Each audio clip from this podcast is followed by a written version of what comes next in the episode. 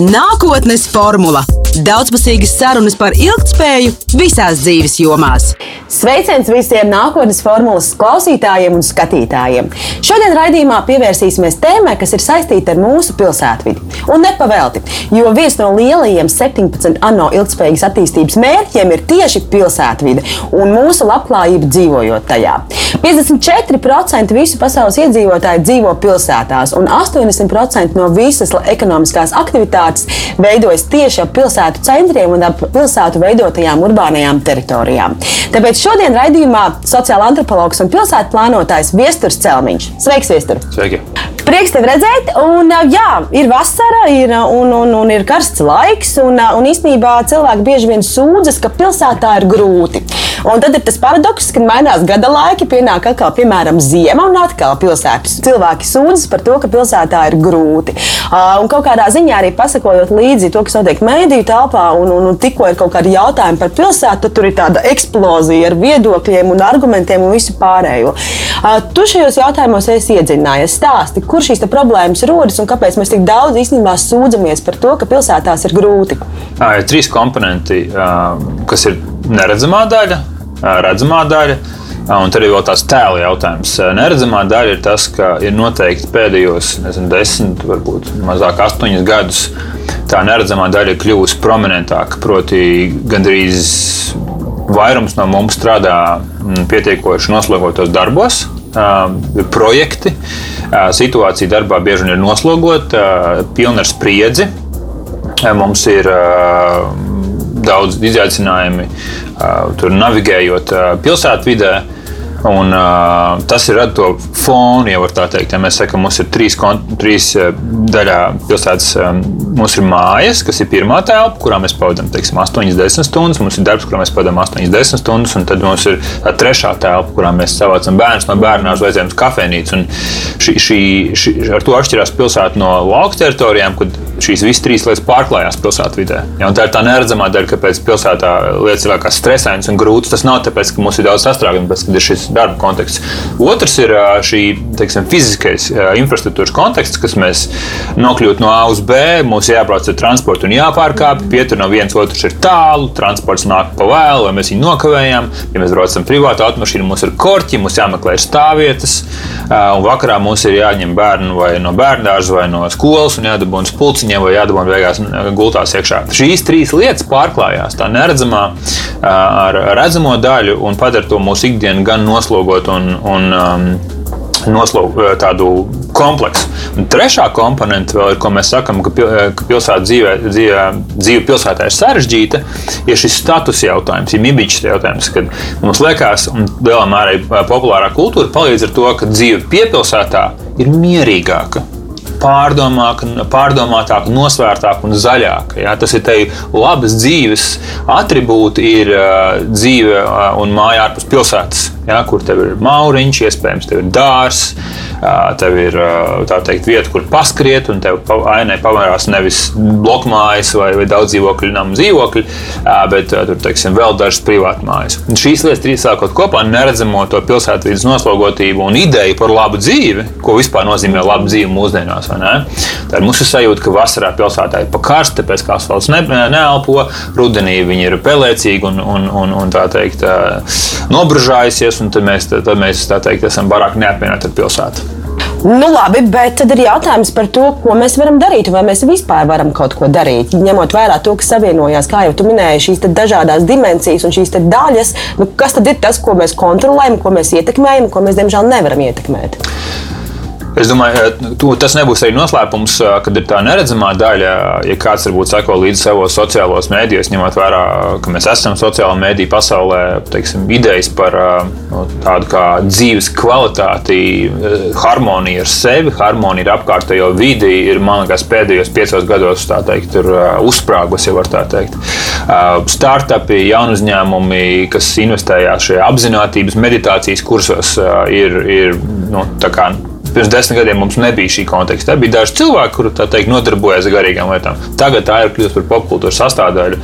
Mēs zinām, ka lielāko pasaules bagātāko kompāniju vadītāja sāk dienu meditāciju. Mēs kaut kādā ziņā ejam atpakaļ uz to, kas bija viduslaikos, ka mēs sākam dienu ar sevis sakārtošanu, lai mēs būtu gatavi šai profesionālajai dzīvei. Mm. Kāds skrien, kāds meditē, kāds iet augstā dušā, kāds teikt, nodarbojas ar jogu. Mēs sakārtojam sevi. Tas ir viens konteksts, kas nu, kaut kādā ziņā nav pilsētas uzdevums. Ja? Katrs tiek pats un sakārto sevi dienas izaicinājumus savā veidā. Bet tā ir absolūti lieta, kas ir ienākusi dienas kārtībā iekšā, kā uz šo neredzu, neredzamo stresu un, un izaicinājumiem saistītu.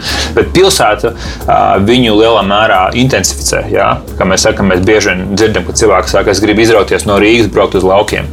Mēs izraujāmies ne tikai no tā, ka Rīgā ir trokšņains vai teiksim, putekļains, bet arī no šī stresa, ar ko mums pilsētā asociējas. Tas ir pirmais. Ja? Tad, kā mēs sakārtojam un uh, veidojam, mobilizējam sevi darbam, profesionālajai dzīvei. Tā ir tā neredzamā daļa. Otra redzamā daļa, ko mēs varam darīt, ir, protams, sakārtot un pilnveidot uh, mūsu pilsētu vidi, lai viņi būtu ērti un patīkami. Nokļūt no A uz B, vai tas būtu mājas darbs, darbs mājas, mājas skola, mājas bērndārs, mājas treniņš vai mājas slimnīca vai, vai kāda cita iestāde. Un tas, protams, ir jautājums, kad, kas ir pēdējo gadu pilsētu plānošanas izaicinājums, ir par to, kā tu nokļūsi uz A uz B. Jā, vēlams ar sabiedrisko transportu, un vēlams, ka viņš ir ātrāks un ērtāks un, un arī lētāks nekā privāta automašīna. Patreiz ir pilnīgi otrādi. Ja tev vajag kaut kur nokļūt pilsētā, tu brauc ar mašīnu vai ar taksi vēl ātrāk, vai ne? Un sabiedriskais transports ir tava trešā izvēle vairumā gadījumu. Jā? Un tas ir tas, kas ir absolūti neperspektīvs virziens. Ne tikai no ilgspējas, bet arī no racionāla viedokļa. Ja, ja mēs zinām, šī pieeja beidzās ar sešām joslām vienā virzienā, Losandželosā, vai vēl vairāk Krievijā, vai vēl vairāk Ķīnā. Ja?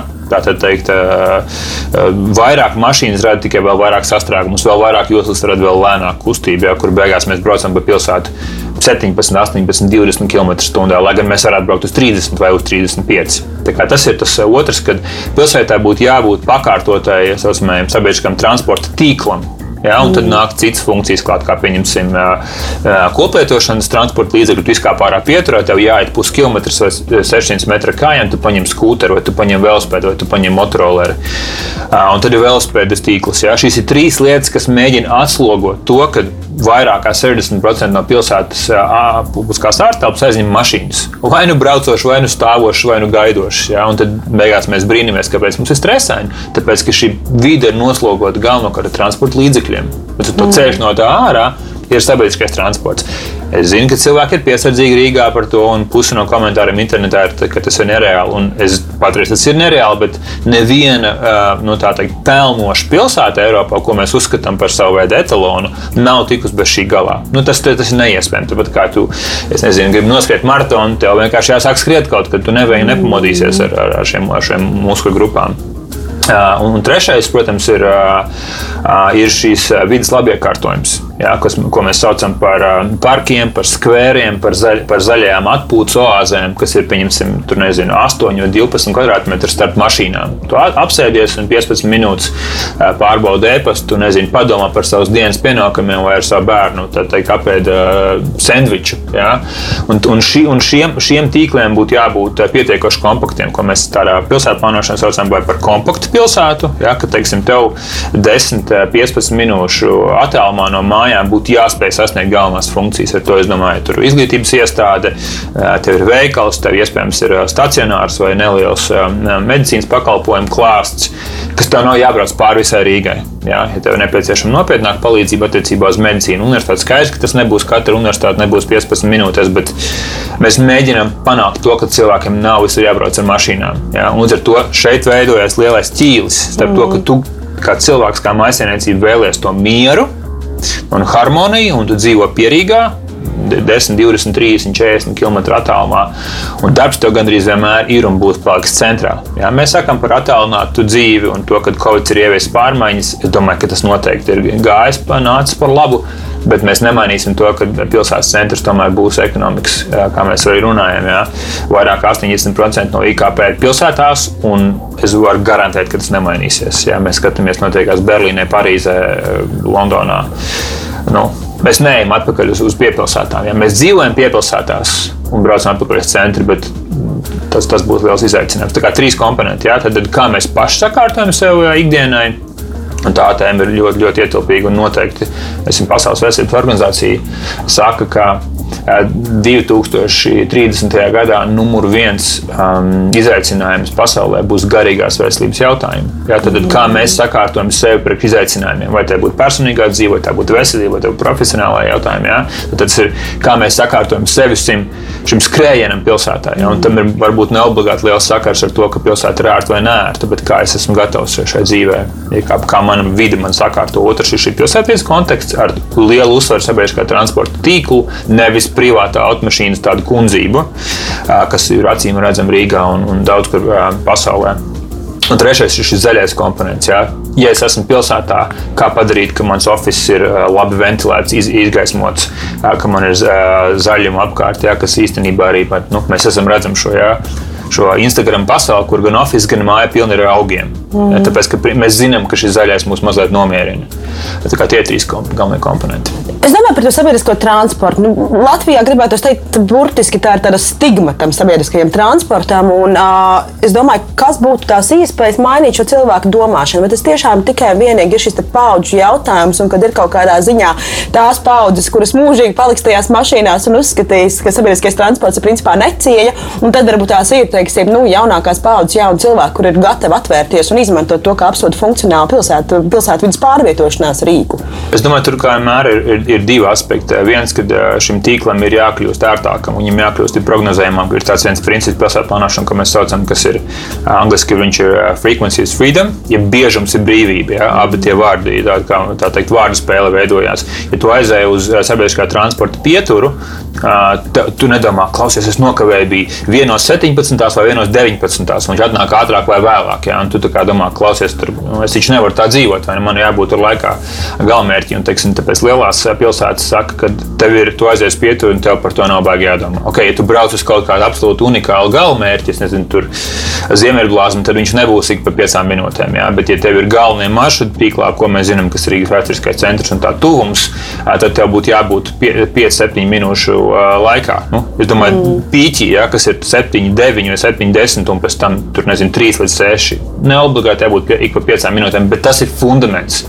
Mēs nevaram cilvēkus pātagot, mēs nevaram viņiem pārmest, mēs nevaram viņus moralizēt par to, ka viņi brauc ar mašīnām, ja tā alternatīva patreiz nav intuitīva. Jā, mm. Tas ir tas, biežams ir brīvība. Un tie ir divi, tie ir divi konteksti. Saka, jā, jā, nu, institūcijas saka, ka tas ir ļoti, ļoti dārgi mums nodrošināt sabiedriskā transporta tīklu un biežumu šādā, šādā intensitātē. Saku, tas ir dārgi, bet ziniet, kas ir vēl dārgāk? Labot tiltus, un būvēt jaunus tiltus, nodrošināt stāvvietas, un, un labot uh, ielas un pārvades pilnīgi visu laiku, kas ir desmitiem miljoni. Ja, turklāt viņi tur atkal lūzīs. Ja, mašīnas rada tikai lielāks sastrēgums. Tas ir vienkārši pārbaudīts fakts.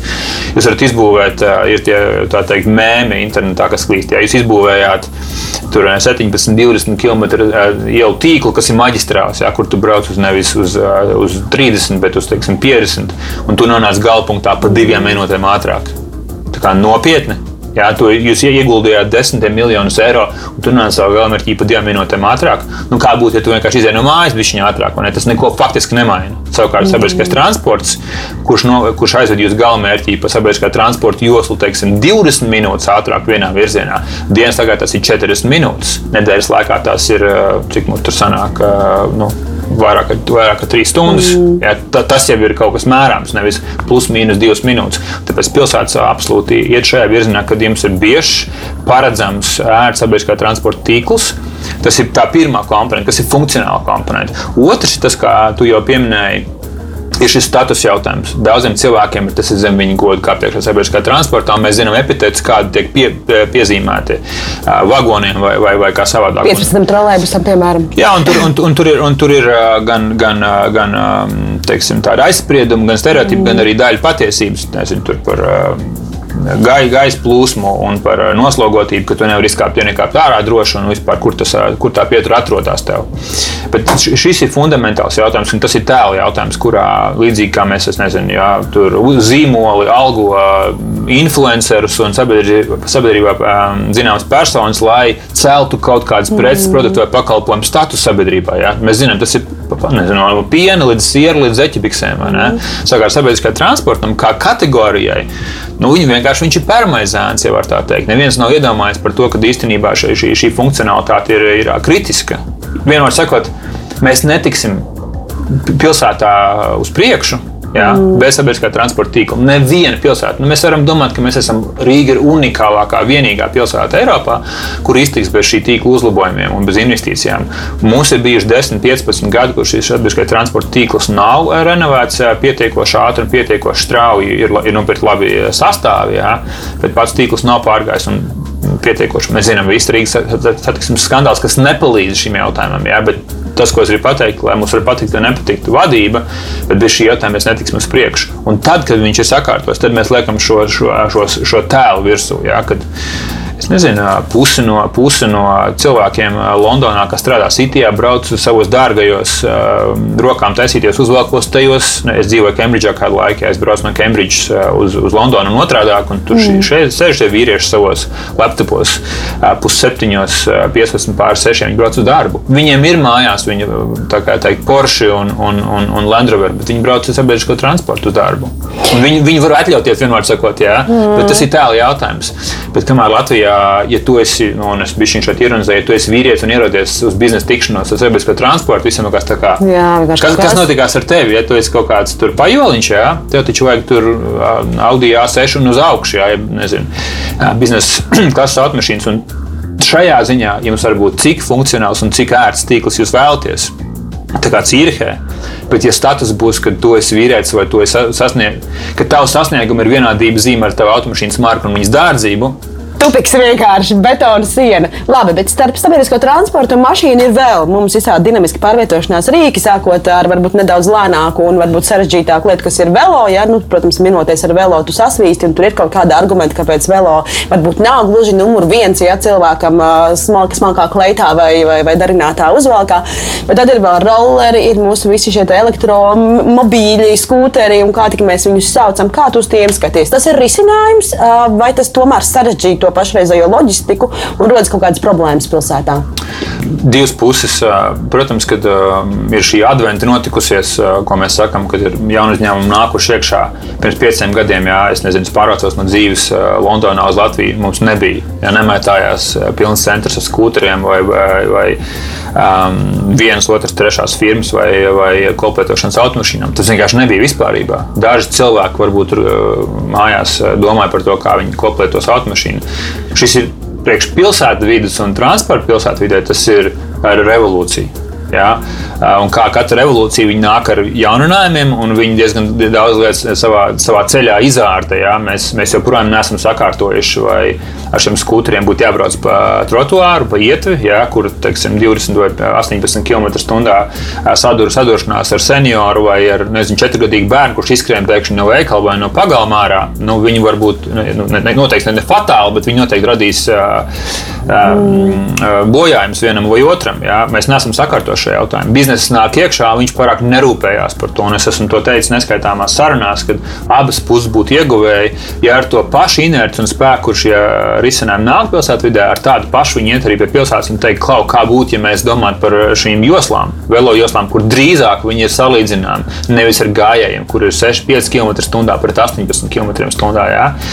Tā kā tas noteikti ir mainījis pilsētvidi, vai tas ir ilgtermiņa risinājums, lai nokļūtu no pārdagā uz Ziemeļblāzmā, droši vien, ka nē, bet, ja, ja tu ienākļūsi no viena kvartāla vai viena oficiāla uz citu kvartālu, mēs jau tagad redzam, ka cilvēki balso ar kājām. Viņi ir ļoti populāri, viņi tiek izmantoti. Cilvēki brauc no centra uz VF un VF atpakaļ. Jā. Mūsu pagājušajā nedēļā mēs atvērām mobilitātes punktu pirmo Rīgā, un tur ir vesela stacija, kurā mums stāv dažādi veidi roleri, velosipēdi un, un um, motoroleri. Viņi, viņi ļoti populāri un pieprasīti ir. Ja? Tas viennozīmīgi ir virziens, kas būs šie pēdējās jūtas risinājumi, mm -hmm. izkāpt no tramvaja ienākt līdz punktā B. Tev ir šis 7 minūšu gājiens, 10 minūšu gājiens, tu paņem uh, skūteru un tu nonāc galpunktā. Ja? Tā kā šie pēdējās jūtas risinājumi ir tas, tas kam viņi ir domāti. Mm -hmm. ja? Galvenokārt no, nokļūšanai A uz B, ja tu nebūtu, ja tu nebūtu jākāp tramvajā vai tev nebūtu jāiet ar kājām, vai tev nebūtu jāsauc taksometrs. Otrs piemērs, kas bija par šo, par šo norādīja Tallinā nesen bija viens pētījums, ko, ko veica um, pilsētplānošanas uzņēmums no, no Somijas. Viņi skatījās, ka tās vietas pilsētā, kurā ir vis, um, kurā ir vis labāk, lielākais, labākais nodrošinājums sabiedriskā transporta tīkls, arī izsaukumi Baltamu un, un, un, un, un kas nu vēl bija viņiem, tas Tallinas koplietošanas taksometrs servis bija visaugstākie. Mums liekas, mm. ka tur, kur īstenībā ir laba sabiedriskā transporta sasniedzamība, tev nevajadzētu izmantot taksometrus, ja, bet viņi bija visaugstākā. Tāpēc šis ir uztvers jautājums. Man liekas, ka ar sabiedrisko transportu būs ilgi. Man liekas, ka ar koplietošanas transportu būs ilgi, jo viņš nav intuitīvs vai viņš var nebūt intuitīvs. Un tāpēc tu brauc ar taksometru. Bet līdz ko mēs izveidojam šos intuitīvus pakalpojumus, jā, cik ātri un ātri tev paņemt skūteri un aizbraukt ar viņu, tad, tad, tad, tad nomainās šie ieradumi. Jā. Kā mēs sakām, Iespējas ir, bet vai šos ieradumus spēj integrēt savā ikdienā iekšā, tas ir liels jautājums. Un tur servisiem būtu jāaug gan sabiedriskā transporta līmenī, gan koplietošanas līmenī, cik ātri un ērti viņi ir. Jā, biznesa domā pie sevis, ok, mēs uzstādījām koplietošanas auto novietni, mēs uztaisījām, uztaisījām tagad novietnes, viņi pilsētā pieejami, bet tas neatceļ to, ka es braucu ar viņu pa ietvi.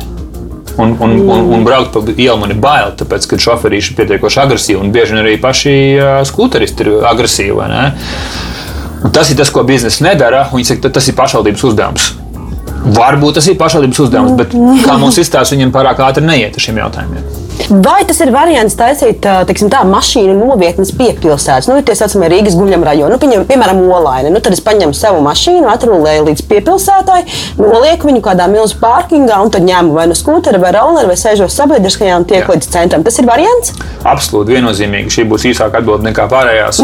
uh, jā, uh, teiksim, nu, mēs jau patreiz runājam pilsētu plānošanā, kad Rīga jau ir liela Rīga. Jā, mēs mm. zinām, ka mums ir 600, 640 tūkstoši pa nakti un 1,5 viens vai viens miljons pa dienu. Ja šīs plūsmas nāk līdz pat Siguldai un, un vēl tālāk, ja Jālgava ir Rīgas satelīta pilsēta, līdz ar to transports neatspoguļo to.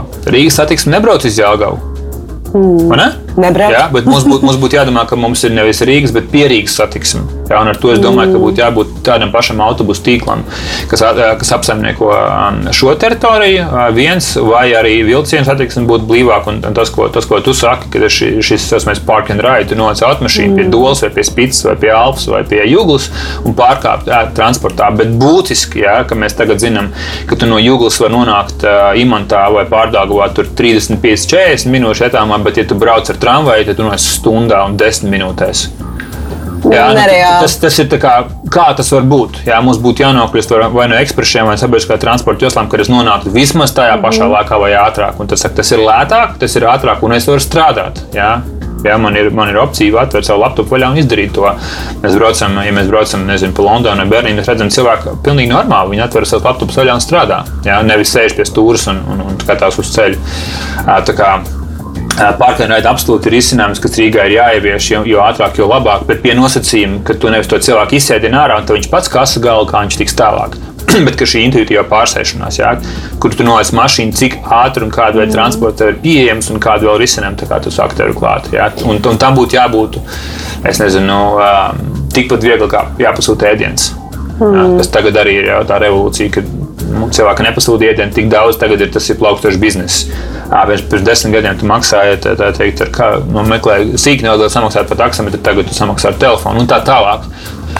Šis ir tas līmenis, ko cilvēks sagaida. Mm. Jā, viņš sagaida, ka tā, ka tā pieredze būs intuitīva, ērta un komfortabla. Un, ja nē, viņš nekāps no tās mašīnas ārā. Jā, līdz ar to es gribētu teikt, ka šim park and ride komponentam ir jābūt ar tīklu, kādu nonākļos uz A uz B. Ļoti fundamentāls jautājums, ko tu arī pieminēji, tad ir šīs zaļās zonas, rekreācijas zonas, skvēriņi, vietas, kur apsēsties, padomāt, atpūsties. Kā tas iet kopā pirmkārt ar vēsturisko pilsētas apbūvi? Mēs jau tās mājas nevaram nekur pavirzīt, tās vietas mums ir tik, cik viņas ir, ar neko mēs tad baigi nevaram izdarīt. Bet kas ir tas, ko mēs varam darīt? Jo ir skaidrs, ka arī skatoties kaut kādu pasaules zaļāko pilsētu, teiksim, tā reitingu, tur ir topā gan pilsētas, kuras ir principā no jauna būvētas, jau domājot par visiem šiem aspektiem, bet tur tikpat labi ir arī Londona. Stāsti, ko var darīt šajā jautājumā? Jā, nu tas, ir, tas ir pilsētvidē, visas vietas ir aizņemtas. Jā. Vai nu viņas ir privātas, un kāds gaida, ka šī, ka šī teritorija kļūst uh, ienesīgāka, un viņš varēs nospekulēt ar viņu, vai viņas pašvaldības, bet tas gan arī notiek uz kaut kā rēķina. Kādam kaut kas ir jāatņem. Jā. Un tas, ko mēs redzam Holandē, Parīzē, jebkur citur, Milāna, lielās pilsētas, viņas dara to uz automašīnu rēķinu. Ja tu atņem to milzīgo poligonu, teicu, vairāk kā 60% no pilsētas publiskās ārtelpas aizņem automašīnas, kuras, kā mēs zinām, 95% no laika stāv dīkstāvē. Tu atbrauc uz darbu, nezinu, 7, 0, 20, 8, 29, 20, un tu iekāp viņā iekšā 5 vai 4. Jā, viņi stāv, tev viņa nepieciešama pusstundu tur, pusstundu atpakaļ. Tas ir 10% no, no, tavas, no tavas ikdienas, jā, bet viņi aizņem visu laiku tajā dienā. Jā, un mēs sakām, ja mēs dabūtu publiskā transporta tīklu iekšā, mm -hmm. kas pārvadā 50, 60 cilvēkus, nevis vienu vai divas mašīnas, kas ir nu, sastāvā garums, ne, tad tu atbrīvo šo vietu, tu atbrīvo šo vietu zaļai telpai. Ja tu paņem vienu joslu un iekārto viņā velo joslu, tu, tu paņem vairākas, nezinu, četras, piecas stāvvietas ārā un taisa mazo zaļo tādu kā slēgtu poligonu, jeb mazu tādu kā paviljonu tipu, nu, ar jumtiņu mm -hmm. un ar dažiem soliņiem un, un sešiem augiem, kas ir ziemcietīgi. Tā, tas tajā ziņā arī ir viss. Tu nevarēsi uztaisīt jaunu vērmaņu dārzu tik ātri, jā, kas ir šie nu, gadsimta sākuma dārza pilsētas vīzija, un uz ko mm -hmm. īstenībā mēs tagad dzīvojam. Jā. Tā, ir, tā ir investīcija, kas nākas no, no gadsimta atpakaļ. Tas, tas ko pilsēta saprot, ka, ka šis, šis nav pasaka, pēdējais jautājums, kas mums būtu jārisina. Tad, kad mēs būsim visu pārējo atrisinājuši bērnu dārzus, un pabalstus un, un notekūdeņus, šis ir kritisks jautājums. Ja mēs negribam turpināt zaudēt iedzīvotājus, numur viens, mm numur divi darba spēku, un trešais nodokļi. No kā pilsēta dzīvo? No nodokļiem. Mm. Ja, un, un, ja katrs, katra ģimene, kas pārceļās uz dzīvi ārpusē, viņi, ir, viņi, ir, viņi aiznes projām tūkstošiem eiro no, no kopējās nodokļu masas. Mēs ļoti labi zinām, tur nav nav raķešu zinātnē, bet cilvēki grib šo zaļo komponentu pilsētā. Tas ir top 3 jautājums ok, man būs, es nopirkšu Rīgā dzīvokli par tādu cenu, kā es varu nopirkt māju pie Rīgā, kur man ir divreiz vairāk telpas un zaļais. Tad, tad zaļais ir top 3 jautājums, kas ir jārisina. Un tas maksās to, ka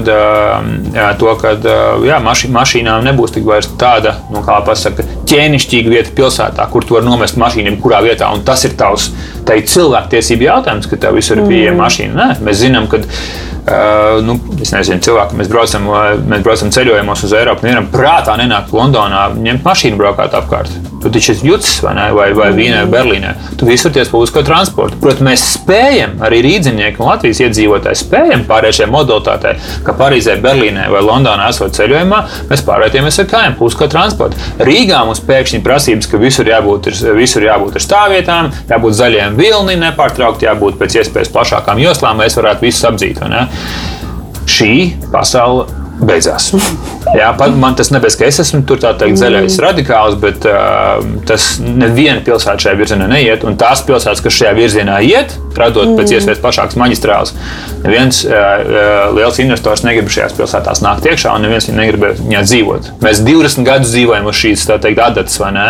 Un mēs paši viņus, no viņas braucam projām. Mm. Es saku, hei! Tad varbūt viņi saliekam divas lietas kopā. Mēs vācamies no Rīgas arī tāpēc, ka mums liekas pārāk skaļi, pārāk piesārņot un pārāk mašīna intensīva. Un tad, ja mēs iesim šo zaļo ceļu, okay, tad nu, tas būs uz ielu platuma rēķina, uz autostāvvietu rēķina, uz braukšanas ātruma rēķina. Vēl viena tāda, man liekas, ļoti fundamentāla svarīga lieta ir gājēju zonas kā tādas. Mēs vienmēr arī ceļojam apkārt pa Eiropu, tajās pašās minētajās jau pilsētās, un, un, un, un teiksim, Vācija, man liekas, ir ļoti labs piemērs tajā, kā ir sabalansēta šī autokustība, ātrā autokustība, un tad ir tā cilvēku zona. Un tad tās skaistās gājēju ieliņas ar tiem visiem veikaliņiem un kafejnīcām un visu pārējo. Un, kā, un Rīgā nav tāda zona, kur es justos, piemēram, kā Berlīnē vai kā Parīzē vai kādā citā Vācijas mazpilsētā, kur es aizēju tur ir pilns ar turistiem, dzīvību, pasākumiem, kultūru un visu pārējo. Vecrīgai bija tāda iespēja, bet pat vecrīgi to līdz galam nav izmantojis. Kur ir problēma? Um, tā, nu, gal, galvenais jau. Nu, ir divi, ir divi, divi veidi, kā pieklājīgais veids, ir teikt, ka mēs esam devuši pilsētu automašīnām. Tāds arī izskatās. Tu visur, visur jā, jāspēj nokļūt ar automašīnu. Jā. Tu brauc uz veikalu, tev jābūt parkingu tieši pie ieejas. Jā, un, ja, ja nav, tad. tad pa, pa, patērētājs ir neapmierināts, iedzīvotājs ir neapmierināts. Un, ja, ja kamēr mēs ejam šo virzienu, tad, tad tas tā tas arī izskatās. Vai nav gāja ielas, gājējis ir tā kā, tur, tā teikt, minoritāte. Jā, viņš mēģina uh, nokļūt no punkta uz A un B, lai viņi neapšaks, nebrauc viņam kāds virsū, vai viņš, vai viņš nebūtu salīs. Savukārt, ja mēs sakām, ka pilsēta ir domāta vispirms gājējiem, un tikai tad uh, automašīnām, ja, tad šī prioritāte mainās, un tad šīs gājēji ielas un bulvāri veidojās. Un mēs zinām, ka, ja mēs runājam tādā kā nu, Latvijā populārās agrikultūras um, uh, terminoloģijās, tad automašīna ir kultūra, kas ir dominanta. Viņa ar vienu nesadzīvo. Ja? Jo platāks ielas, jo lielāks sastrēgums, jo platāks ielas, vairāk stāvvietas. Ja? Tur gājējiem no vietas savukārt gāja sadzīvo ar visiem. Un gāja, gāja ap sevi veido ielu. Ja, tā ir fundamentāla atšķirība, ka uh, ielā mēs veidojam šo bagāto sociālo dzīvi tev ir pirmais stāvs, kas iespējams ir publisks, tev ir frizētājs, un tev ir kafejnīca, un tev ir restorāns, un tev ir grāmatveikali, un tev ir galerijas, un tev ir biroji, un tev ir nezinu, bērnu dārzi, vai spēļu telpas, vai nezinu, kas tas arī būtu. Un cilvēki izmanto viņu iet garām, viņi iet, paskatās, apēd un nopērk kaut ko un dodas tālāk. Savukārt, ja tev ir iela, un galvenā tipoloģija ir iela, nu, vai nu es brauktu, nokļūt no A uz B, tad pirmais stāvs ir kluss. Mēs varam paiet, mums ir ļoti daudz tādas ielas Rīgā, kurā pir, pirmais stāvs ir miris. Tāpēc, ka neviens tajos veiklos neiet iekšā, neviens negribot viņai nonākt, pēc, ka tur nu, pirmā kārtā tur nav kur nokļūt mašīna, otrām kārtām uh, cilvēku tur nav. Pēc kam tie veikali ir, tad viņi pakāpeniski pārvācās uz lielveikaliem. Līdz ar to mašīnas ne tikai iztum iedzīvotājus ārā, bet mašīnas iztum arī ekonomiku no pilsētas ārā. Un tas nav vairs tā kā nu, zaļo radikālu jautājums, tas ir bizness. Mm. Un, ja tev pilsētā nav ne iedzīvotāji, ne nodokļu, nodokļu bāzes, viņi ir pierīgā, vai tev nav arī mazais vidējais uzņēmums, kas ir Latvijas ekonomikas fundaments, ja kāds nav pamanījis, tad kas ar tev pilsētā paliekās? Tev paliekās stāvvietas un tranzīts. Ja, ka pilsēta ir vienkārši caurbrauktuve. Un, kā mēs zinām, šajās caurbrauktuvēs teikt, arī puķis neaug. Ja, ziedi neaug lielu, lielu, lielu brauktuvu ceļmalās. Viņiem vajag kultivēts apstākļus, kuros ir konkrēta augsne, kuros ir konkrēts izsauļojums un kuros ir, nav, nav, nav šis teikt, piesārņojums. Ja. Līdz ar to, ko mēs gribam pilsētā ieraudzīt? Plaukstošu sociālo dzīvu uz ielām, ko, ko šīs gājēji ielas uh, un gājēji prioritizācija veids, vai mēs gribam iet šo ceļu, kurā vienkārši pilsēta ir tranzīts no A uz B. Un tas ir, tas ir pilsētas izvēles jautājums. Otra komponente šeit, protams, ir ieradumi. Jā, ka mēs esam ieraduši visur iet ar, braukt ar mašīnām un kājām. Mēs ejam tikai mazāko iespējamo gabaliņu. Līdz ar to tie cilvēki, kas dzīvo šo dzīvi, uh, viņi saka, jāpēc kam man vajag pēc iespējas platākas ielas, un, un, un tērba vai gājēja iela ir, ir kļūda. Jā, un tad, tad jautājums būs šiem cilvēkiem godīgi pateikt, vai tad, kad viņi brauc ceļojumos, viņi izvēlās nu, teikt, palikt pie lidostas un ap, nu, apsteigāt to teritoriju, viņi brauc uz pilsētu vēsturiskiem centriem, mm. kas simts gadījumos, no simts gadījumos ir gājēji prioritātes. Un, ja mašīnas ir, tad viņas ir minoritāte. Ir jautājums, ko mēs vēlamies no Rīgas, jā, lai viņi vienkārši būtu loģistikas centrs, kurā paliekās tikai valsts institūcijas un bāzes pāris ēdnīcas nu, ja mēs gribam, lai šāda pilsēta arī ir, nu, droši. Jā, jautājums tikai tad, lai mums ne, nenāk nekāda pārsteiguma, ka šeit nav nekādas uh, inovatīvas kompānijas un neviens ārvalstu biznesa šeit nekādu uh, neveidos nekādu centru, tāpēc ka talanti Jā, mēs sakām, šie talantīgie cilvēki, kas strādā augstās vērtības ekonomikā, viņi nevēlas dzīvot, viņi nevēlas dzīvot blakām autostrādēm, nedz arī viņi vēlās strādāt blakām autostrādēm. Viņi vēlas dzīvot blakām mierīgos apstākļos. Un, ja viņam Rīgā tāda nav, viņi brauc uz, dzīvot uz Varšavu, vai uz Londonu, vai uz Parīzi, vai Berlīnu. Līdz ar to uh, es došu piemēru pēdējo. Tad, kad Amazons taisīja 18. gadā lielo tādu konkursu Amerikā, kur viņi izvēlējās sev headquarteri, jeb galveno mītni ārpus Sietlas, Viņi teica, mēs, mēs investēsim vairāk nekā pārpa 10 miljardiem eiro headquartera attīstībā tuvākajos piecos gados, bet lūk, ir pieci lietas, ko mēs prasīsim no pilsētas, kurām mēs izvietosim savu oficiālu bāzi. Un pirmā lieta, ko viņi prasīja, nebija autostāvvietas. Viņi neprasīja arī nodokļu atlaides. Tas, ko viņi prasīja, bija talanti. Mums ir jābūt daudz ja, talantīgiem, gudriem, spējīgiem cilvēkiem ir tas, ir, ko, ko mēs, kas mums biznesā ir vajadzīgs. Jā, mēs paši maksim, mēs samaks, samaksāsim nodokļus, mēs mākam naudu nopelnīt. Mums vajag, lai pilsēta dod mums talantīgus cilvēkus. Un kas ir otrs jautājums, ko viņi, ko viņi, ko viņi prasīja no pilsētām, ir, ir dzīves kvalitāte. Jo tie darbinieki, kurus viņi meklē, tie darbinieki meklē vietas, kur ir labas skolas, kur ir labas teritorijas, kur viņi var atpūsties zaļā publiskā ārtelpā, kur viņi var skriet, kur viņi var izmantot kultūru. Tā bija otra lieta, ko Amazonas prasīja. Nu, tā kā, halo, kāpēc Amazonam vajadzīga tādas lietas? Tāpēc, ka viņi meklē talantus un talantīgie cilvēki pulcējas ap šo dzīves kvalitāti. Līdz ar to, ja mēs sakām, ka mēs gribam tuvākajā dekādē pilsētu, kas pelna, nevis vienkārši nopērkt, nopērkt lētāk, pārdot dārgāk ekonomikā, kas Tāpēc mēs arī esam aiz Igaunijas. Mums neinteresē šādas lietas. Un pēc tam mēs brīnamies, ka mūsu IKP neaug. Tāpēc, ka talantīgie cilvēki brauc projām uz vietām, kurās ir augsts dzīves kvalitāte, un kur tā nav jāpavada katru dienu 40 minūtes braucot no mājām uz darbu un 40 atpakaļ no darba uz mājām. Kas ir pusotra stunda dienā, kas ir vesela darba diena nedēļas griezumā, vai ne? Ko Mēs zaudējam cilvēkus. Ja? Un trešais, ko Amazonas prasīja, un saka, tā ir, tā ir pelnošākā, bagātākā kompānija pasaulē, ja kāds vēl nav pamanījis. Ja? Kā ding dong, šis nav zaļais radikāls. Tā ir pelnošākā, tā teikt, sīksta biznesa impērija. Un trešais, ko viņi prasīja, ir publiskais transporta tīkls. Lai viņu darbinieki atkal spēj nokļūt darba vietā, nevis ar automašīnu. bet Viņi var atļauties gan Tesla, gan Porsche, ko pārējo nav runa par to. Bet viņi brauks ar publisko transportu, tāpēc, ka viņiem ir jāstrādā, viņiem jābūt ar fokusētiem sākot no 7.30 rītā. Un tā ir tā pasaule, ko mēs ejam, kas ir mūsdienu kapitālisms. Tad, ja kādam liekas, nu kā Latvija pelnīs, kas Latvijas Nokia? Latvijas Nokia ir dzīvot spējīgas, dzīvojamas, humānas pilsētas vispirms, un tad Uber, Amazon un vispār mūs apsvērs. Jo kas notikās? Jums bija 238 pieteikumi uz Amazon konkursu. 238 pieteikumi, un tie nebija nekādi lētie. Jā, tur kaut kāda kakta kantora, tur bija Jēla nāca kopā ar, ar, ar Bostonu un Čikāgu nāca kopā ar universitāti un tā tālāk. Jā, tie bija ļoti labi pieteikumi, kas tika veidot ar arhitektiem kopā. Un jums nekavējoši atkrita 210 pieteikumu. Nekavējoši. Tāpēc, ka pilsētām nav dzīves kvalitātes fokus, viņiem nav publiskā transporta tīkls un talantu pie viņiem nav. Un Ņūdžersija piedāvāja nezinu, tur 3,2 miljardus eiro nodokļu atlaides ja, uzņēmumu, uzņēmumu peļņai, ko pašvaldība um, nu, par, par īpašumu paņem. Un Amazon teica, nepaldies, mēs paši nopelnīsim naudu, mums nevajag jūsu nodokļu atlaides, mums vajag talantus. Un, tā, un es nerunāju, ka atkrīt četras pilsētas, mm. atkrīt 210, un beigās konkurss bija starp 20 pilsētām, kurās ir šie komponenti. Tātad kvalitat- kvalitatīva dzīves telpa, ā, talantu, tā teikt, pūles, ja ir talantu komponenti ā, un sabiedriskā transporta tīkls. Tā ir tā mācību stunda, un es varētu teikt, tas nav tikai Amazon, tas ir pats Samsung un Apple. Viņi meklē šos komponentus Rīgā. Un, ja mēs gribam, ka Rīga būtu augoša ekonomiski, jā, tad mums jādomā par šiem trim komponentiem. Un, nu, ja kāds nav pamanījis, pēdējos 15 gadus Rīgā nav uzdots jautājums, kā, kā Rīga pelnīs. Mums ir visi šie citi jautājumi, kas ir interesanti un būtiski. Bet, ja neesat redzējuši, arī, nu, arī jaunās vēlēšanas par to nerunā. Jums ir miljonus koki, un tur, kas nu vēl tur nebūs, vai ne? Bet kā Rīga pelnīs naudu?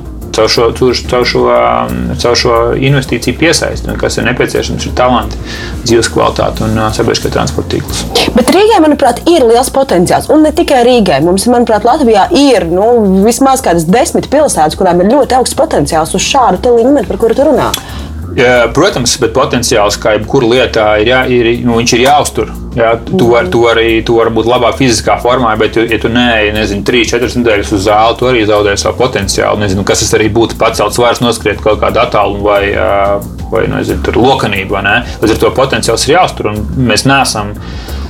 Nu, tā, tā ir bieži vien, ko es arī esmu teicis, tā ir liela problēma, kad vairumā Latvijas skolu geogrāfijas stundās uh, karte ir Latvijas karte. Kurā Latvija liekas ļoti liela, un Rīga liekas vēl lielāka. Tāpēc mēs nonākuši līdz absurdam, ka Rīga ir ūdens gala. Bet tad, kad tu paskaties uz šīm desmit potenciālām pilsētām vai uz Rīgu, citu pilsētu kontekstā, tad tavs potenciāls ir tāds, kāds nu viņš ir. Un tev ir, tev ir viņš jāuztur, tev viņš ir jāstimulē. Lai mēs jau tagad, nu, tas vairs nav tā, tā, tā vairs nav, tā vairs nav kaunināšana, tā vairs nav paškritika. Mēs, mēs, mēs, ne, mēs, mums ir grūti konkurēt ar Tallinu un Viļņu. Gan biznesa, gan investīciju piesaistē. Viņa ir ā, Financial Times top 5 ā, investīciju piesaistes kategorijā. Latvija ne, Rīga ne tuvu nav tur, un arī tās desmit pilsētas nav. Mums ir potenciāls, bet šim fokusam ir jābūt daudz, daudz intensīvākam. Lai mēs gribētu piesaistīt investīcijas, mēs varētu pelnīt labāk, mēs varētu dzīvot labāk. Kā, protams, es esmu Rīgas patriots, dzīves audzis šeit, atgriezies no, no, no, no studijām un darba ārvalstīs, bet tajā ziņā man liekas, mums pietrūkst varbūt nu, tas. ā, nu, Tā izlēmība iet šo, iet šo ceļu, kas ir bijuši citās pilsētās, nu, kad mēs esam gan, gan apņēmīgi pateikt, par, par ko šī pilsēta būs tuvākajos desmit gados. Ja, nezinu, mums dažiem ir tas bērnu augs, mēs pie sevis domājam, vai mūsu bērni paliks šeit dzīvot, vai viņi brauks teikt, uz, uz ārvalstīm dzīvot. Jo, kā viņi šeit spēs mācīties un kā viņi šeit spēs uh, veidot karjeras. Jā, tas ir liels jautājums. Tas ir kā nu, droši vien, ka pat vairs ne pilsētas, bet valsts jautājums, kādā veidā valsts ir konkurētspējīga. Jo ko nozīmē valsts konkurētspēja, ja pāri par 60% no IKP ir Rīga? Rīga nevar vien pat ar šo jautājumu uzdevumu tik galā. Tas ir valsts konkrētspējas jautājums. Rīga ir valsts nu, nozīmes pilsēta, ir galvaspilsēta. Ja? Tur, tur tai sazobē jābūt daudz ciešāk, lai šo potenciālu mēs viņu tā teikt, nu, uh, neiztērētu sīk naudā, ja varētu teikt. Kā ar citām pilsētām? Vai Latvijā ir kāds labās prakses piemērs, kas ir ticis kādu soli tālāk kā Rīga? Uh, jā, absolūti. Es, tas, no tās puses arī, mm, kā pasaka, šajā, šajā kontekstā man droši vien nav jā, jā, jāmētās ar komplimentiem. Rīgā lietas notiekās nu, labāk nekā viņas bija, bet ne tik ātri, kā mums vajadzētu. Nu, nezinu, ir, ir šie salīdzinājumi par koku stādīšanu, un velo joslu izveidi un publiskās ārtelpas uzlabojumiem. Nu, mēs, mēs, mums neiet tik ātri, cik mums vajadzētu iet. Mm. Līdz ar to es, es nesalīdzinātu citas pilsētas ar Rīgu. Tev, ja tu gribi augt, tev jāsalīdzinās ar labākajiem. Tāpēc es vienmēr ņemu citas pilsētas, kas ir mūsu tūmā Baltijas jūras reģionā, kas ir Helsinki, Stokholma, kas ir faktiski mūsu konkurenti. Tu nāc kā korporācija iekšā. Tu nesties tikai uz Rīgas, vien paskaties uz veselu Baltijas jūras reģionu. Līdz ar to, jā, absolūti eh, tevis jau minētās eh, desmit pilsētas, kas ir ļoti, ļoti interesants, eh, notiekās, kas, kas notiekās ar kultūras un radošā industriju Liepājā, kas notiekās Kuldīgā, kas notiekās ar rūpniecības teritorijām Liepājā pēdējos gados, kas notiekās ar, ar izpēti un sadarbību starp pašvaldību un biznesa sektoru Ventspilī. Siguldi ļoti domā par šo teikt, dzīves kvalitāti. Veloceliņš pirmais, kas ir izveidots. Jā, tāds kā viņam vajadzētu būt. Valmieras eksporta, eksporta kapacitāte cēsis ar jau tā kā mēs sakam, jā, cēsis ir Rīga divi nedēļas nogalē, kur cilvēki vasarnieki atpūšās kultūras telpu un, dabu izbauda. Tas pats arī. Tas pats arī lietas, kas notiekās Tukumā, absolūti ir interesanti piemēri. Es priecājos, ka reforma ir gājusi eh, to, to konsolidācijas ceļu. Manuprāt, viņi varēja būt vēl divreiz kompaktāki nekā viņi patreiz bijusi, ja mēs skatāmies no investoru eh, perspektīvas. Bet noteikti šīs pilsētas iet un nu, Es, es teiktu, ka tās pilsētas, kas, kas aug, viņas iet šo ceļu, ko es teicu par Amazonu. Jā. Kāda ir dzīves telpa taviem, taviem iedzīvotājiem? Tie ir tavi klienti, tie maksā tev tur tos nodokļus. Tie ir investori, kas skatās, kāda veida darbinieki ir pieejami. Jā. Kāds, kas ir tas darbspēks, kas man strādās manā uzņēmumā, Zviedrijas, Dāņu vai, vai Holandiešu uzņēmumā? Un kā mēs tiekam no A uz B? Pašal, es, es pieņemu, ka, ka šis jautājums piepilsētā un, un, un citās pilsētās nav tik būtisks, jā, ka tu varētu. Nu, gan mašīna, gan, gan, gan gājējiem pietiek vieta eh, pierīgā, bet Rīgā šis jautājums ir kritisks. Mēs ļoti labi redzam to sinerģiju starp šo pilsētu vidi, visiem tiem aspektiem, ko tu minēji, un uzņēmējdarbību. Kā ir ar industriālo ražošanu, kas nu, ir tāda kaut kāda liela, liela mašinērija, kas ir ekonomiskās aktivitātes veicinātājs? Bet vai var industriālo ražošanu apvienot ar visu to, par ko mēs runājam, es ļoti labi redzu, un radošās industrijas, IT, visi biznesi? Jā, tur ir tās, kā ir ar industriālo ražošanu. Absolūti neviena, neviena tur ir. Tā jau ir. Tāpat nav eh, ne tuvu nekāda jauna ideja. Tev, tev nevar būt moderna valsts, tev nevar būt moderna pilsēta, ja tev nav ražošanas. Tas ir fundamentāls jautājums, ko mēs bieži vien esam teikt, nopūšamies. Vai un kā industriālais komplekss un tā teikt, infrastruktūra, kas mums bija šeit, Padomu Savienībā, viņi nespēja adaptēties Eiropas tirgumam. Bet absolūti industrija vienmēr būs valsts prioritāte un, un uzturama jautājums tikai par to, kāda ir viņas geogrāfija. Un, ja mēs skatāmies uz Bet tas pat vairs jautājums par pilsētām, tas jau runa ir par valstīm, kur ir pietiekoši izaicinoši konkurēt ar Āzijas tirgu, kurā visu var izdarīt ātrāk un lētāk. Un bieži vien ir ātrāk saražot Ķīnu, atvest uz Latviju, nekā to pašu izdarīt mm. šeit. Jā dēļ izmaksām, darba spēka un, un, un teiksim, arī um, izēvielu klātsenības un masas tirgus un visi šie pārējie jautājumi.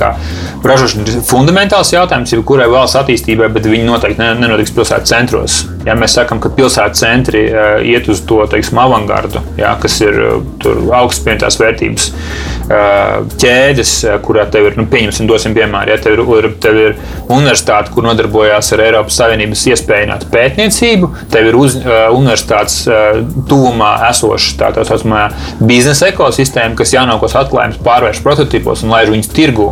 Jā, un pēc tam eksportēt tālāk. Tas ir garās vērtību ķēdes, jā, un tas, tu pēc iespējas vēlies, vai tu došu vienkāršāku piemēru. Re, kur tev ir inovācija, re, kur tev ir teikt, uzņēmums, kas viņu iz, attīsta un izvērš tirgu un pēc tam eksportē. Nauda paliek gan pētniecībā, gan uzņēmumā, gan eksporta spējā, jā, gan darbiniekiem. Tas ir garāks ķēdes, un jo garāks ķēdes, jo vairāk tu nopelni. Nevis tu atved no Ķīnas, pieliksi savu augstāko ciparu un pārdevi. Tā ir īsa, īsa ķēde, tā tu nenopelnīsi naudu. Tā kā mēs uh, gribētu šo ceļu iet arī uz industrializāciju, bet tas nenotiks pilsētas centros. Nekur tas nenotiekās pilsētas centros. Nec Ķīnā tas notiekās, arī viņiem, arī viņi sargā savus vēsturiskās pilsētas centrus, cik viņi arī vēsturiski ir. Jā. Un arī Eiropā. Mēs, ne, mēs neliekam industriju pilsētas sirdī. Tas nu, gan, gan no izmešu viedokļa, gan no sasniedzamības viedokļa, gan no tādas telpas tipoloģijas, kas ir nepieciešama. Viņi ir piepilsētā, un, un tur arī ir zemāks īpašuma jā, nodokļu cenas. Nevis pilsētas centrā, kur tev tur, nezinu, jācīnās ar kafejnīcām un, un dārgiem restorāniem. Tas, tas nekad nav bijis tur. Un, un, un te ir atkal jautājums, kas ir nepieciešams, lai industrializācija attīstos. Tur mēs zinām, kad ir šī. šī ķēdes starp pētniecību, tad ko mēs ražosim, kādas tehnoloģijas mums ļaus izdarīt to ātrāk, lētāk un vieglāk nekā Ķīnā. Jā, tu vienmēr konkurē ar to. Un tur ir sazobes starp pētniecību un, un, un industrializāciju un darba spēku, jā, kas ir relatīvi kompetents un, un, un, un salīdzinoši lēts. Jā, bet tas noteikti nebūs geogrāfiski centros. Jā, viņai tam, tam, tam jautājumam ir noteikti jāaug. Un, un, un, un tur mēs sakām, mēs teiksim, tur ja mēs skatāmies uz Pierīgu un, un, un, un valsts, valsts reģioniem, es esmu gandrīz drošs, ka Valmiera ir absolūti nu, teikt, pīķi ar šo jautājumu, ka viņiem ir tik, viņiem tik ļoti trūks darbinieku, ka viņi teikt, skautēm meklē darbiniekus līdz pat cēsīm un smiltenei. Jā, tā kā mājokļu jautājums ir kritisks šim, šim kontingentam, kad dzīvokļi īres Valmērā ir tuvu Rīgai, vai ne? Tāpēc, ka ir tās pieprasījums. Tā kā dar, darba spēka jautājums būs, būs kritisks, jā, un no otras puses smieklīgs man ir tāds anekdotisks stāsts, kur es braucu ar vienu vīrieti kopā. Jā, viņš stāstīja, ka viņš strādā uzņēmumā, kas vervē darbiniekus Valmērā pēc darba Turku kuģibūvas rūpnīcā. Tā kā mums liekas, ka Valmērai ir gara roka, viņi capē cilvēkus no smiltenes un cēsīm, bet es atvainojos, mm. Turku ir līdz Valmērai aizsniedzies. Jā, tā kā tas darba spēka jautājums ir tik kritisks, jā, un, un industrializācija noteikti vienmēr ir un paliks un būs pilsētas sastāvdaļa, bet ne pilsētas centros lai pilsēta apvieno šo lielo dažādību. Mēs esam dažādas paudzes, ja ir pilnīgi vienas vajadzības, kas ir vajadzīgas studentam, ja, un citas, citas vajadzības, kas ir vajadzīgas omītei.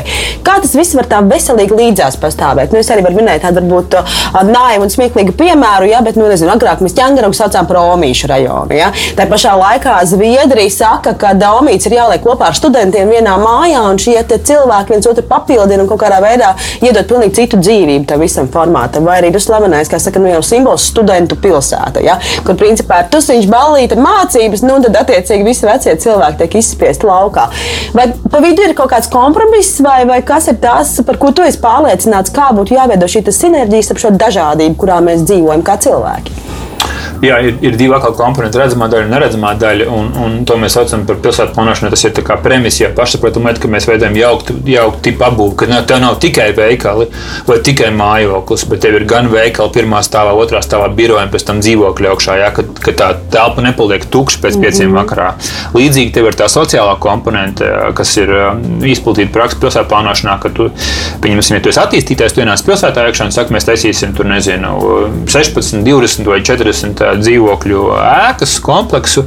Pilsēta saka, jā, jūs varat to darīt, ja jūs gribētu sev paņemt vienu vai divus stāvus augstāk tad jums ir jādod teikt, īres dzīvokļi iedzīvotājiem, kas ir maznodrošināti. Tā ir praksa, kas ir visur Skandināvijā pieejama. Ja tas mēs regulētai ar griesti. Jā. Tas ir īres dzīvoklis, kurā pašvaldība teikt, izmetina masturīgos cilvēkus šajos dzīvokļos. Jā. Kāpēc? Tāpēc, mēs sakām, ja mēs, ja mēs tos tiksim, ja sevišķi cilvēkus, kuriem ir ierobežota rocība, kur masturīgi, ja mēs viņus visus nepārtraukti eksportējam uz, uz, uz pierīgu, uz getliņiem, tad ko šie bērni iemācās? Viņi iemācās tikai to, kas viņiem apkārt ir. Kad, nu, es, un šeit, domāju, es nekādā ziņā neesmu būt elitārists, ja, mm. bērni ieraudzīja tikai to, ka viņi iet, skolās, kur arī mācās tādi paši bērni, kas ir nu, tiksim, mazkvalificēta darba veids. Bet mēs taču gribētu, lai tā, mobil, mobil, tā, tā mobilitāte iet uz augšu, kad es esmu, es esmu audzis tur, pieņemsim, rūpnīcas strādnieku ģimenē, bet es gribētu, ka man būtu augstākā izglītība. Bet kur tas bērns, lai ieraugtu šādu dzīves modeli, ja viņam visur apkārt ir vecāki ģimenes un bērni, kas tikai savu dzīvi redz darba rūpnīcā? Un tāpēc mēs sakām, ir nepieciešams jauktais modelis, kurš varbūt nebūs tik radikāls kā tas Skandināvijā, bet tas bērns ierauga kaut kādu citu vispār perspektīvu dzīvē, ja, ka viņš varētu mācīties. Tur, kā, tu esi beidz 9. klasē, ej strādā. Jā, bet esi bez 12. klasē, dar, darbā servisā, kas ir ok. Es nesaku, ka tas ir slikti. Vienkārši tādi cilvēki, man liekas, mums noteikti vienmēr būs. Bet tev ir nepieciešams iesaistīt šo sēklu publiskajā teikt, telpā, kad tie bērni ierauga, ka vai kur ir cita veida ģimenes, ar cita, cita veida perspektīvu, cita veida attiecībām un cita veida arī teikt, profesionāliem mērķiem. Mm. Tad viņš saka, es darīšu visu, kas manos spēkos, lai es gribētu dzīvot tur. Līdz ar to ir tas redzamā daļa, ja, ka mēs, mm. ka mēs veicam, veidojam jauktu tipu apbūvi, kurš šo dažādību panes ar veco ļaužu teikt, pansionāts pilsētvidē, un tev ir bērndārs stūmā, un tev ir dzīvokļi, un tev ir oficiāli. Tas padara pilsētu par pilsētu, nevis monolītu. Rekurbi tikai padomu laikos, mm. ja? rekurbi tikai mājoklis, rekurbi tikai izklaides un rekurbi tikai rūpnīcas. Ja? Mēs mēģinām to, to tomēr jaukt kopā, lai uh, gan fiziski, gan arī sociāli šīs vidas uh, kļūst dažādākas. Ja? Un, un, un, un, mēs iemācāmies, un tas vēl trešais būtiskais, ka mēs iemācāmies pieņemt dažādību jā, kas ir absolūti neizbēgamība Eiropā, ka mums būs jāsadzīvot dažādām kultūrām, vārdu plašākajā nozīmē. Jā, mēs gribam, lai mēs esam toleranti sabiedrība, kas mums ir tāls ceļš ejams, jā, mēs, esam, mēs, pieņem, mēs spējam pieņemt gan dažādas kultūras, dzīves stils un, un, un arī, arī pārliecības. Un to es nesaku obligāti kā multikulturāls un fans. Tā vienkārši ar mūsu demogrāfiju ir neizbēgamība. Mm. Mums vienkārši nav pietiekoši daudz cilvēku, kas spētu uzturēt mūsu um, teiksim, novecojošo sabiedrību. Ja? Un es nesaku, ka tur ir, ir kļūdas no, no kā mēs esam apsaimniekojuši pensiju fondus un tā tālāk.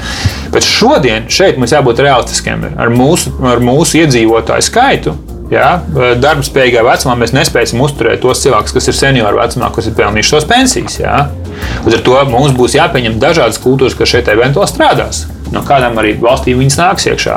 Un, ja mēs viņus nepārtraukti liksim zvaniniekos vai kaut kādās citās, tā teikt, rezervātos, geto. jā, tad līdzīgi kā mēs veci cilvēkus negribam likt, vai arī mēs negribam trūcīgos likt iekšā geto, mēs gribam, lai šī pilsēta būtu dažāda, lai mēs kļūstam tolerantāka, atvērtāka kultūra dažādām lietām. Jā, nu, teiksim, ja, ja, nu, jā, mēs, ja, ja mums ir investīcija attīstības aģentūra, kas to vien tik dara, kā sūta savus cilvēkus pa pasauli, lai viņi piesaistītu investīcijas, Ja, tad, labi, viņi, viņi pierunā kādu uzņēmumu Latvijā investēties un attīstīt teiksim, IT, IT sektoru. Viņi saka, ka jums jau mīlīšana darba, darba spēks šeit. Ja mēs jebkurā brīdī varam aizbraukt uz pilsētu Indijā uh, un, un, un tur uztaisīt trīsreiz lielāku uzņēmumu, kāpēc mm. mēs darītu to Latvijā? Un Latvijai būs jāvar vaļā savas robežas, viņi gribēs dabūt spējīgus cilvēkus šeit, kas teiksim, mācīsies un brauks uz dzīvi šeit. Bet, ja šis cilvēks ikdienā sastapās ar racistiskiem komentāriem, tad mēs sakām, fine, Okay, labi, mēs vienkārši turpināsim dzīvot ar to ienākumu līmeni, kas mums būs. Mēs būsim trešās, trešā līmeņa valsts. Mēs, viena, mēs turpināsim arī nākošajā dekādē būt trešā nabadzīgākā valsts Eiropā. Ja mēs nevēlamies būt nabadzīgākā valsts Eiropā, tad mums jādara kaut kas savādāk. Ja mēs turpināsim iet šo ceļu ar pilsētu attīstību, ar sociālo infrastruktūru un pārējām lietām, mēs turpināsim IKP palikt turpat. Nu, tas tā kā, ja, tur, nezinu, ja, ja tu dari tieši visu to pašu katru dienu, tev nevar būt cita rezultāta dzīvē. Nu, tas vienkārši ir normāli loģika. Jā. Mēs sakām, mēs gribam, mums būtu teikt, plaukstoša ekonomika. Mums būs jābūt atvērtākiem pret dažādiem cilvēkiem, kas šeit strādā, ņemot vērā mūsu demogrāfiju. Nu, nav mums tās desmit bērnu ģimenes, un nebūs tās desmit bērnu mm. ģimenes. Nu, nu, vienkārši aizmirstam par to. Tad īstenībā pareizi veidot un plānota pilsēta ir ne tikai vienkārši sociālās saliedētības instruments, bet ļoti jaudīgs veids, kā veicināt visas tās lielās problēmas, ar ko gadiem cīnās Savienības integrācijas fonds un, un visas pārējie sociālie aktīvisti un nevalstiskās organizācijas. Absolūti, es neesmu nekādā ziņā hipijs. Es, tas vienkārši tā ir cieta ekonomika. Jūs, nu, ja kādam liekas, ka šis ir vienkārši gudra runāšana, lai pastāstītu uz jebko, ko dara lielākās mm. biznesa korporācijas pasaulē. Viņas ir impērijas. Un viņas nedara to, ka, nu, nu, viņas nedara to tāpēc, ka kāds viņus tur mazgāt viņiem galvu par to, ka viņi tur mm. ir. Bet runa ir par to, ka mēs zinām, ka inovācijas ir, ir jebkuras ekonomikas pamatā, un viņas rodas pie dažādības. Ja tev ir vienkārši desmit balti vīrieši, jā, kur bagātām mašīnām sēž telpā un mēģina izdomāt inovācijas, tas vienkārši ir smieklīgi. Tas pat tur tā nav, un tas, pat, tas ir smieklīgi, naivi, bet tas nav perspektīva. Bet, ja jūs sakat, ka jums ir dažādi vidi, kur ir dažādi vecumi, dažādi dzimumi, dažādi kultūra pārstāvi, šajā kontekstā radās inovācijas, un to pierāda no Harvardas uz MIT līdz Stanfordai. Tas ir pierādīts fakts. Tas nav nekāds, nu, tas ir mans viedoklis nu, būsim vienkārši godīgi. Tas, nav, tas ir fakts, ka tas notiek tā. Bet, ja Rīga ir monolīta pilsēta attiecībā uz kultūru un uz vecumu, nu, tad kāpēc mēs domājam, ka šeit būs inovācijas? Mūsu spējīgākie prāti, kas nezinu, dabūna vietas olimpiadēs, viņi nepaliks šeit. Viņi tā, nezinu, es, es mācījos Kembridžā, seši gadus tur bija pilns ar, pilns ar jauniešiem, kas organiskā ķīmijā visur, kur dabūna savu labas vietas, viņi nebrauks atpakaļ. Uz ko viņi brauks atpakaļ Latvijā šeit? Uz, uz vidi, kur uz viņu, uz viņu, uz viņu teiksim, šim šim puisim ir partneris meitene, kas ir dzimusi Āzijā. Lai viņi teikt, uz, uz ielas rāda pirkstu ar viņiem. Tas, kas tas, kas tas ir? Mēs viduslaikos šeit dzīvojam. Mm. To, šis cilvēks, kurā valsts ir ieguldījis desmitiem tūkstošu eiro, sākot no pirmās klases līdz 18 gadu vecumam, jā, nezinu, tur 50, 60 tūkstoši, kamēr viņš ir izgājis. Ja? Mēs esam atdevuši uzdāvinājumu viņu Anglijai. Galvenais, ka viņam neko nevar pārmest. Jā, un viņš saka, es negribu dzīvot galvaspilsētā, kas pēc būtības ir provinciāla. Jā, pēc, pēc noskaņojuma, pēc iekārtojuma. Mēs sakām, mēs gribam būt atvērti, tādi kā mēs bijām pirms simts gadiem, kad, e, kad Rīga bija tiešām metropola, jā, kur mūsu eksporta spēja bija līdzīga Dānijai. Bet tāpēc, ka viņi bija, viņi bija dažādāki, viņi bija atvērtāki un viņi spēja pieņemt atšķirīgo. Un šeit es nekādā veidā ne, neiestājos par liberālu vērtību maksimizēšanu. Es vienkārši saku, tā ir tautsēmniecība kurai sako līdzi lielākās pilsētas, mm. lielākās valsts un lielākās korporācijas. Ja kāds domā, ka vienkārši tur tik viss korumpēti, vienkārši lai pastāstītu, kāds ir profils un biznesa stratēģijas lielākajām, pelnošākajām kompānijām pasaulē. Viņas iet uz pilsētām, viņas iet uz dažādību, viņas iet uz inovācijām. Mm. Jautājums, vai mēs Rīgi gribam šo ceļu iet, jā, vai, mēs, vai mēs turpināsim to ceļu, kā mēs esam gājuši līdz šim. Tu taisnība, kā saka, ļoti organiski aizvedi manu jautājumu loku līdz noslēgumam par inovācijām. Kas ir tās inovācijas, kas pašlaik ir varbūt izstādes stadijā, vai tikai vēl tās nākotnes sapnis, kas varētu fundamentāli mainīt mūsu dzīvi pilsētās? Nu, to mēs saucam pilsētā par stihijām. Jā, galvenās stihijas, kas ir um, ūdens saimniecība, elektroapgāde, siltums, um, transports. Jā. Četri, četri jautājumi, kuros inovācijas notiekās, un viņas ir nepieciešamas dēļ tā, ka mums ir klimats mainās. Šie, šie ir galvenie jautājumi, kā mēs jau patreiz, es nezinu, saku, pirms pieciem gadiem jums nebija ideja, ka jums pašiem nav automašīnas, bet jūs ņemat mašīnu automašīnu zils, jūs kārguru. Jā, vai, vai, vai fiksiju, vai ko pārējo. Piecu gadu laikā mēs esam pieņēmuši šo kā normālu lietu. Varbūt jūs to pat nedarat, bet jūs zināt, ka ir cilvēki, kas to dara. Pirms pieciem gadiem jūs nebija prātā braukt uz no A uz B ar skūteri. Tagad jūs to nedarat, bet jūs zināt, cilvēks simt punktu, kas to dara. Līdzīgi pēc tuvāko desmit gadu laikā, patreiz jums ir rēķins uz jūsu mājsaimniecību, drīz mēs būsim energo kopienā. Jūs ne tikai pirksiet, bet arī pārdosiet elektrību. Ja? Šīs ir inovācijas, kas nāk iekšā, vai tā būtu solārā, vai tā būtu vēja, vai kāda cita. Mēs runājam par enerģijas kopienām. Ja? Tad transports viens, kur būs fundamentāls inovācijas, kā es saku, un viņas nebūs viens balts vīrietis, viena mašīna vai viena balta sieviete mašīna. Tas šī pasaule ir beigusies. Ja? Jūs maksāsiet, protams, jūs varēsiet darīt to, bet jums būs iebraukšanas maksa kā Londonā vai kā Parīzē. Un tas būs no savā ziņā nu, tāds kā luksus nodoklis par to, ka jūs gribat mm. viens pats savos tūkstošos kilogramos pārvietoties pa pilsētu. Tāpat līdzīgi mēs būsim arī ar elektrokopienām, ja, kā, kādā veidā mēs patērēsim enerģiju. Tie ir projekti, kas jau pat nav vairs nekāda zinātniskā fantastika. Ja. Tas, ir tā, tas ir tas virziens, kurā mēs mēģināsim būt ilgspējīgāki ja, ar šīm izmešu prasībām, ko Eiropa mm -hmm. tagad mums tā mīļi atgādina par to. Drīz mums viņi par to teikt, jau mūs vienkārši liks sodas par to virsū.